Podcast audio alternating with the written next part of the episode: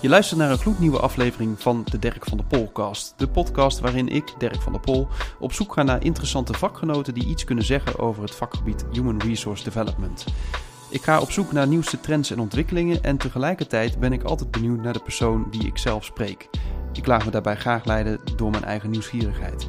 Voor deze aflevering leidde mijn nieuwsgierigheid naar het gebied van hybride sessies. Wat is nou eigenlijk een hybride sessie en hoe organiseer je nou op een succesvolle manier zo'n sessie? En vooral, waarom moeten we hier nou juist wel op inzetten? Ik spreek erover met Laura van den Oude. Zij is eigenaar van Expert Trainers en zij hebben als missie om vakspecialisten te bekwamen in het vak van trainer of docent, zodat zij in workshops, trainingen en opleidingen hun deskundigheid aan anderen kunnen overdragen op een inspirerende en effectieve manier. Laura werd in 2018-2019 en in 2019-2020 uitgeroepen tot trainer van het jaar door de Nederlandse Orde van Beroepstrainers. niet gek ook, gezien haar ruime ervaring van zo'n 20 jaar als trainer in Train the Trainer en een brede achtergrond in het veld van uh, leren, adviseren en trainen. Ze schreef een aantal boeken over het vak van leren en ontwikkelen. En binnenkort verschijnt haar nieuwste e-book Hybride Sessies met als ondertitel Succesvol organiseren en begeleiden van hybride vergaderingen, trainingen en projecten. Ja, dan heel leuk om te ontdekken. Zij vaart samen met haar man Gillis de wereld rond op een katamaran. En vanaf die plek geeft zij ook haar werkende leven vorm. Laura, om maar even met dat laatste te beginnen, want het is nogal een rijtje wat ik opnoem, realiseer ik me. Ik hoop dat het voor de luisteraar te volgen is nog. um, wat, wat was eigenlijk het soort fuck it moment waarop jullie dachten, we gaan met de katamaran de wereld rond? Ja, ja, ik vind het wel heel leuk dat je dat vraagt. Dat uh, was eigenlijk in 2017. Uh, we, hebben, we hadden toen een klein motorbootje. En uh, mijn vriend zei van ja, we zouden toch eigenlijk wel de wereld rond willen zeilen. En uh, we werden uitgenodigd voor de Hiswa-beurs. En we spraken daar met Jan. En die was 70 jaar. En we vroegen aan hem van ja, stel we willen ook zo'n mooie katamaran kopen. En hoe werkt dat dan allemaal? Hij zegt ik heb één advies. Ga nu. Hij zegt wacht niet te lang. Want ik had deze reis graag met mijn vrouw willen maken. Ja. maar zij is ziek. Ze is niet meer goed ter been. Hij zei wacht nou niet tot je pensioen. Hij zei, regel het en uh, ga desnoods ook werken vanaf het schip. Nou, en dat zette bij ons iets aan. Uh, en natuurlijk ook een beetje geholpen door de coronaperiode. Hè, dat online mm-hmm. trainen nu uh, helemaal geaccepteerd is. Maar dat moment met Jan op de Hiswa in 2017 weet ik nog heel goed. Wauw, en toen is het, het, het motortje gaan draaien ja. letterlijk. En, maar hoe is dat dan? Want dan, dan, dan ga je dus wel echt, dan moet je volgens mij wel echt een flinke drempel over met elkaar... om dan te zeggen van we gaan dit doen. Ja, ja klopt helemaal. Want ik ben nu 47, dus toen was ik uh, 42. En je moet echt gewoon gaan bedenken, oké, maar dan ga ik dus alles verlaten. Hè? Mijn fijne huis, mijn familie, mijn werk waar ik zo ingegroeid ben al die 20 jaar. Uh, je netwerk. Um, dus het is inderdaad een enorme switch. En we hebben het langzaam al opgebouwd. Dus we hebben onszelf vijf jaar de tijd gegeven om dat helemaal uit te zoeken. Dus we zijn op vakanties geweest op Catamarans. En een beetje gevoeld van, wat vinden we van zo'n levensstijl? En dat alles natuurlijk een beetje beweegt. Dat je een kleinere ruimte hebt om met z'n tweeën te wonen. Um, en mijn vriend is heel technisch, dus die heeft ook uitgezocht hoe zou dat kunnen doen met wifi aan boord. Uh, steeds wisselende havens. Dus langzaam groei je er wel in. En achteraf gezien, uh, we zijn op 1 mei 2021 vertrokken, is het de makkelijkste keuze ooit geweest. Wauw, oké. Okay. Um, ja. En uh, wacht, want een van mijn vragen die ik had was: goh, als je nu een les zou mogen kiezen die je hebt geleerd van het leven op, op, op die katamaran, zeg maar, wat, wat voor les zou dat dan zijn? Ja, dat je zelf niet zoveel te zeggen hebt als je met de natuur samenwerkt. Ik was altijd heel erg gewend, en dat ken ik natuurlijk wel vanuit het vak uh, Learning and Development, om alles te plannen. Hè. Je maakt een ontwerp. Mijn agenda zat altijd drie maanden van tevoren vol. Dus ik wist bijvoorbeeld nu al wat ik op 16 september om drie uur zou doen. En uh, ik heb nu gewoon elke dag is anders. En het is ook elke dag dat, hoe staat de wind? Hoe is de stroming? Uh, kunnen we eigenlijk wel varen vandaag? Dus waar ik altijd meer in controle was, moet ik nu veel meer samenwerken met de natuur. En ja, dat heeft mijn respect voor de natuur in ieder geval heel erg doen groeien. Eh, ik heb verder weinig te vertellen. Ik moet werken met wat ik heb. Dat is het vooral. Wauw. En, je zei net al van, uh, dat het uh, het gemakkelijkste keuze was om te maken. Ja. Kan, kan, je daar nog iets over zeggen? Wat maakt het dan zo'n gemakkelijke keuze, achteraf gezien?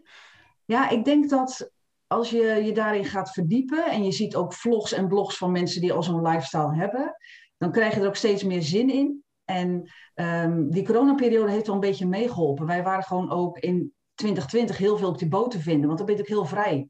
Je gaat het water op en je hebt verder niet te maken met mondkapjes en uh, allerlei uh, infectievloeistoffen.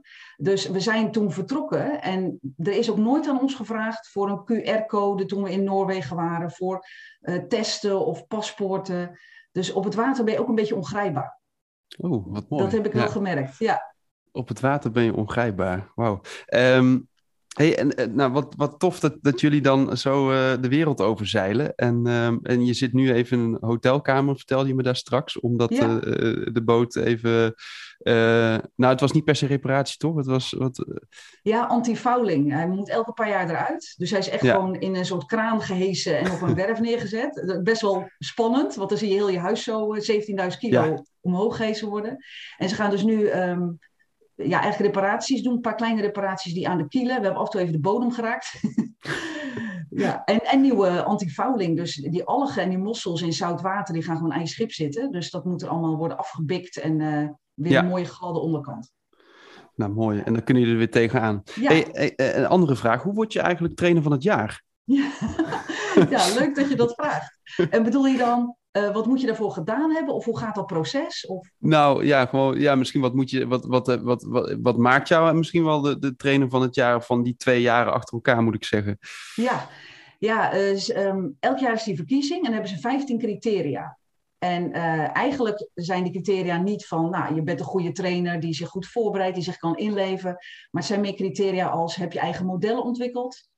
Heb je op internationale congressen gesproken? Heb je een duidelijk uh, andere visie op het vak? Hè? Breng je iets nieuws? Uh, hoe is het met je innovatievermogen? Dus het zijn best wel pittige criteria. Uh, ja. dus, en ik werd door een aantal van mijn opdrachtgevers genomineerd. En ik mocht de strijd aangaan met nog ja, veel genomineerden. En het onderscheid, wat ik me herinner van het juryrapport, was dat ik eigen onderzoek naar had gedaan van transfer van leren. Mm-hmm. Um, daar zeven factoren in heb ontdekt. Een, uh, een app heb ontwikkeld waarin bedrijven zelf kunnen checken hoe is het transfergehalte van mijn opleiding of training. Um, daar ook in een boek over geschreven. En ik denk dat dat net het extraatje gaf. Ah ja, ja oké. Okay. Dus ja. dat is echt een. Uh, ja, dan laat je op heel veel vlakken van de criteria ook zien. Ja. ja. Ja. En um, uh, dus, dus dat transfer van leren is natuurlijk één uh, aspect. Maar en, en binnenkort verschijnt een boek over je, daar, daar wil ik het eigenlijk over hebben. Uh, namelijk je e-book Hybride Sessies. Ja. En waarom eigenlijk hybride werken? Ja, leuk dat je dat vraagt. Want um, ik ben in een congres in Amerika daarmee in aanraking gekomen. En dat was in 2015. Mm-hmm. En dat herinner ik me nog zo goed, want ik zat in een zaal over Visa Cards. Dat ging echt een sessie vanuit Visa Cards over hoe hun leer- en ontwikkelbeleid was. En ineens ging een scherm aan en werd gezegd: Nou, we hebben ook een aantal deelnemers uit uh, Californië, want wij zaten in Florida. En we hebben nog een spreker van onze vestiging in Toronto. En ik wist gewoon niet wat me overkwam. Hè. Dat was 2015. Uh, ik dacht: Oh, wow, dit, dit kan gewoon. En de, het gemak waarmee ze dat begeleiden. Het geluid was goed, je zag iedereen goed. We moesten in groepjes iets samen doen met die online deelnemers. Ja, ik, dat was echt de sessie die mij toen bijbleef. En ik weet nog dat een van die begeleiders af en toe zei: Ja, we gaan nu naar Zoom. En dat ik in mijn aantekening heb geschreven: Zoom? Vraagteken. ja, dit hadden we ja. natuurlijk helemaal nog niet. Nee. Uh, dus dat was wel mooi. Dus het was er al. En ik weet ook nog dat ik dacht in het vliegtuig terug van, ja, voor Amerikanen is dit ideaal, want die hebben lange reisafstanden. Dus mooi dat je mensen online kan laten deelnemen. Uh, vijf jaar niet meer aan gedacht. En toen brak die coronaperiode uit. En toen dacht ik, ja, Zoom, dat ging toen zo goed. En wat moet je daarvoor hmm. doen? Uh, dus ik ben me toen daar verder in gaan verdiepen. Maar dat was eigenlijk mijn eerste aanraking met hybride. En ik vind het eigenlijk ook een logisch vervolg op de online periode. Het, het vrij werken. Het feit ja. dat mensen eigenlijk zelf kunnen bepalen waar ze werken. En op een gegeven moment ja. gaan we ook een tijd krijgen wanneer ze werken. Ja, ik vind het echt een logische stap in hoe we nu uh, het nieuwe werk inrichten. Ja, want en um, uh, je zegt er al een klein beetje iets over, maar wat is, wat is, wat is eigenlijk het, het verschil tussen hybride uh, versus bijvoorbeeld iets als blended uh, leren? Wat is, wat is daar anders aan? Ja, goed dat je dat aanstipt. Want ik heb echt een paar keer gezien dat om hybride werd gevraagd, terwijl men eigenlijk blended bedoelde. Hm. Um, hybride betekent dat er een bijeenkomst wordt georganiseerd waarbij er deelnemers zijn die op verschillende locaties zitten. Mm-hmm. Uh, dus dat kan zijn in hetzelfde gebouw waar de sessie live plaatsvindt, maar dan in een ander zaaltje of op een andere verdieping. Maar het kan ook zijn in Japan of in Purmerend, in ieder geval niet op de locatie zelf. Um, dan voelt het alsof er twee groepen zijn. Want je hebt ja. die mensen die in de sessie zitten en je hebt iedereen die ergens anders zit, die zich heeft verzameld via Teams of Zoom. Maar in principe is multilocatie is eigenlijk een veel betere term. Want het is niet twee groepen. Het zijn heel veel verschillende locaties waar mensen deelnemen. En waarom het vaak met blended verward wordt, omdat hybride klinkt ook als een mixje. Maar bij blended is het uh, programma, het lesmateriaal is een mix. Dus de ene keer ga je met z'n allen online samenwerken, de andere keer kom je fysiek bij elkaar, uh, met elkaar in een zaaltje. Maar de groep trekt bij blended wel 100% op als één groep. Hmm, ja. Um, en hybride betekent dat dat dus niet zo is en dat er dus een aantal mensen op andere locaties zitten. Ja, en hoe houdt dat bijvoorbeeld verband met, met het principe uh, asynchroon synchroon werken? Ja, dat heeft daar heel erg mee te maken. Uh, dus hybride is meer asynchroon werken, dus dat mensen op verschillende plekken samenwerken. Um, en zelfs ook nog op verschillende tijdstippen. En dat is natuurlijk iets wat bij een live hybride sessie niet kan. Ja. Uh, maar bij Blended zou je dat wel kunnen doen. Hè? Zou je bijvoorbeeld een e-learning kunnen opnemen of een video van jezelf waarin je een opdracht uh, uh, bespreekt. Dus het synchroon betekent meer dat iedereen eigenlijk live is hè? en dat je met elkaar samenwerkt. En asynchroon betekent dat je op een eigen tijdstip, op een eigen plek werkt aan je leeropdracht. Oké, check. En nou, nou sprak ik laatst met een, eh, met een opdrachtgever, die had het uh, uh, over van, uh, nou ja, we hebben superveel geld geïnvesteerd om, om, om een hybride sessie te organiseren voor een aantal deelnemers, die ja. dan uiteindelijk dan, dan niet live aanwezig waren, die vervolgens ook nog niet eens goed konden inloggen en zo. En nou, die zei gewoon, ja, dat, dat gaan we niet meer zo doen. Dus, uh, ja. dus jammer dan. Hoe, hoe, hoe kijk jij naar zo'n zo'n opmerking? ja, ik, ik, snap het heel erg goed. En uh, ik heb nu zelf elf hybride trainingen gegeven. En mijn eerste drie had je ook niet bij willen wonen. Dat ging ook echt niet soepel. Nee. nee ja. Dus ik snap, en dat, dat is dan zo teleurstellend. Want dan heb je alles ingericht, denk je. En dan blijken veel minder mensen online te komen dan wat je dacht. Uh, het geluid blijkt ook nog eens keer niet goed te zijn. Dus de mensen die online zitten horen de mensen in de zaal ook helemaal niet goed. Ja, ik beschouw dat als kinderziektes. Hm. En het vraagt eigenlijk van ons in de volharding om daarmee, daarvan te leren en te kijken van hoe zouden we het volgende keer anders kunnen inrichten. Um, dus ja, ik geloof er echt in dat hybride de toekomst is. Ik heb het dus al in Amerika gezien dat er zo gewerkt werd. En ik vind het ook echt een logische stap op dat we nu gewoon fijn thuiswerken en dat je daar zoveel productiever kan zijn. Ja. Dus ja, mijn advies zou zijn, uh, misschien moet het in de communicatie vooraf wat anders. Kunnen we het samen nog over hebben. Hè? Van hoe zorg je ervoor dat de mensen die online deelnemen erbij zijn en ook goed alles horen. Ja. En ik denk dat het gewoon bij de, eigenlijk bij de implementatie hoort. Dat dit erbij hoort en dat je daar doorheen moet groeien. Zoals we dat ook met online hadden. Hè? Ja. Ik bedoel, die, die tijd kun je ook wel herinneren dat je denkt... Ja, Teams is ook een soort toverdoos. Wanneer zie ik mensen wel, wanneer niet? Uh, waarom slaat hij de chat nou wel op? Waarom kan ik nou weer bij niet bij de opname? We moeten daar denk ik gewoon net als met uh, online doorheen. Ja, ja, dus echt een uh, kwestie van, van doorbijten. Als je erop inzet, dan, dan ga je ook gewoon uiteraard kinderziektes tegenkomen. Ja. En uh, dat moet je dan ontdekken. Ik ben wel nieuwsgierig, want dat, dat klinkt in ieder geval uit je verhaal van wat je in Amerika meemaakte wel heel goed. Doordat het dan heel erg goed lukt om de mensen die dus uh, ja, niet live aanwezig zijn, om, om ze goed te betrekken. En dat lijkt me nou echt een kunst in dat hybride um, werken. Kan je daar iets over zeggen? Ja, daar heb ik ook zelfs in mijn boek een apart hoofdstuk aan besteed. Hybride hmm. groepsdynamiek. Uh, ik kan wel een paar valkuilen doornemen die, waar je echt op moet letten. Um, een van de dingen die ik heb gemerkt is dat als er dan bij trainingen in groepjes wordt gewerkt, dat er wordt gezegd, ja, alle mensen die online zitten, maak zelf even groepjes. Alle mensen die fysiek zitten. Maar dat is nou juist weer bevestigen van het feit dat er twee groepen zijn. En jij wilde dat het als één groep ging voelen en samenwerken. Ja. Dus um, je zal dus hybride groepjes moeten gaan maken. Bijvoorbeeld uh, drie deelnemers uit de zaal en één online. En die gaan dan samenwerken via een breakout room. Hè. Dat is de enige manier waarop ze elkaar kunnen vinden. Ja. Dus een van de dingen die belangrijk is, is dat je duidelijk in de communicatie vooraf zegt: ja, als je naar de zaal komt, neem dan ook een laptop mee. Want er zijn een paar momenten waarin je, je doet lekker de klep dicht, maar er zijn een paar momenten waarin je de klep open doet en waarin we ook echt kruis hè, gaan, gaan werken, ja. echt met online en, uh, en met fysieke deelnemers.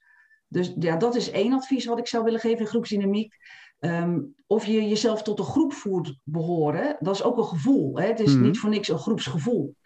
Dus als ik de hele tijd ga zeggen, ja Dirk, jij die online zit.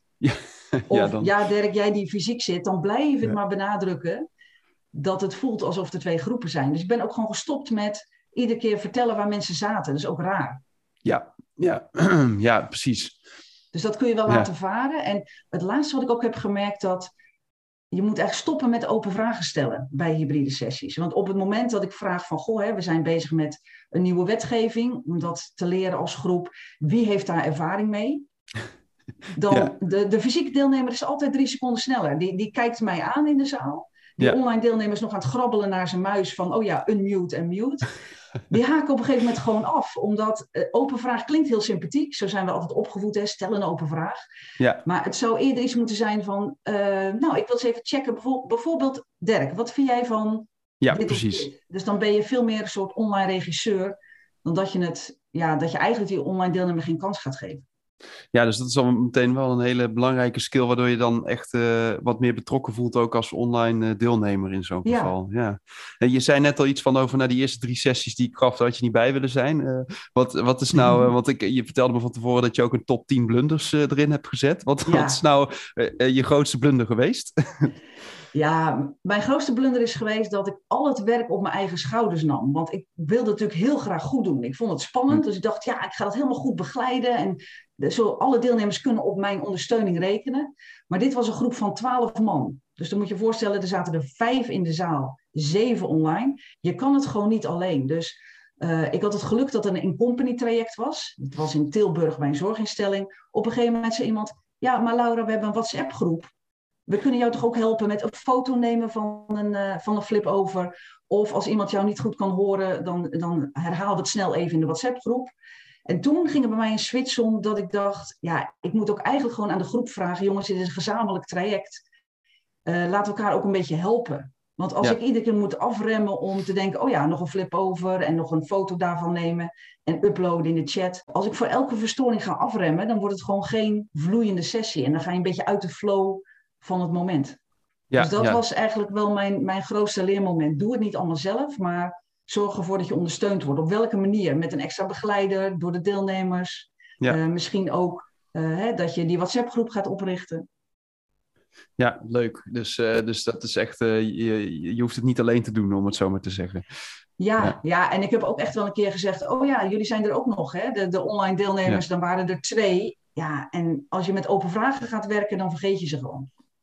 Hey, en je maakt in je boek, uh, dat zei ik al in de, in de, uh, de ondertitel die ik uh, oplepelde, om het zo maar te zeggen, maak je een onderscheid tussen vergaderingen, projecten en trainingen. En ja. um, um, nou, laten we bijvoorbeeld eens die, die training pakken. van goh, hoe, hoe zou je nou moeten beginnen met het opzetten daarvan, van, van zo'n sessie, van zo'n training? Ja, ja en ik heb bewust die drie genomen, omdat trainingen de moeilijkste variant is. Ja. Uh, vergadering is vaak informatie delen. Nou, dan mhm. hoef je nog niet super interactief te zijn. Bij projecten wil je wel brainstormen, dus dan komen die hybride groepen al wel tevoorschijn. Maar trainingen, dat is oefenen. Dat is samen iets creëren. Dus uh, ik snap wel dat sommige leerprofessionals zeggen: ja, weet je, moeilijk, moeilijk, daar moet je misschien nog niet of nu niet aan beginnen. Maar het, komt, het is ook de moeilijkste variant. Ja.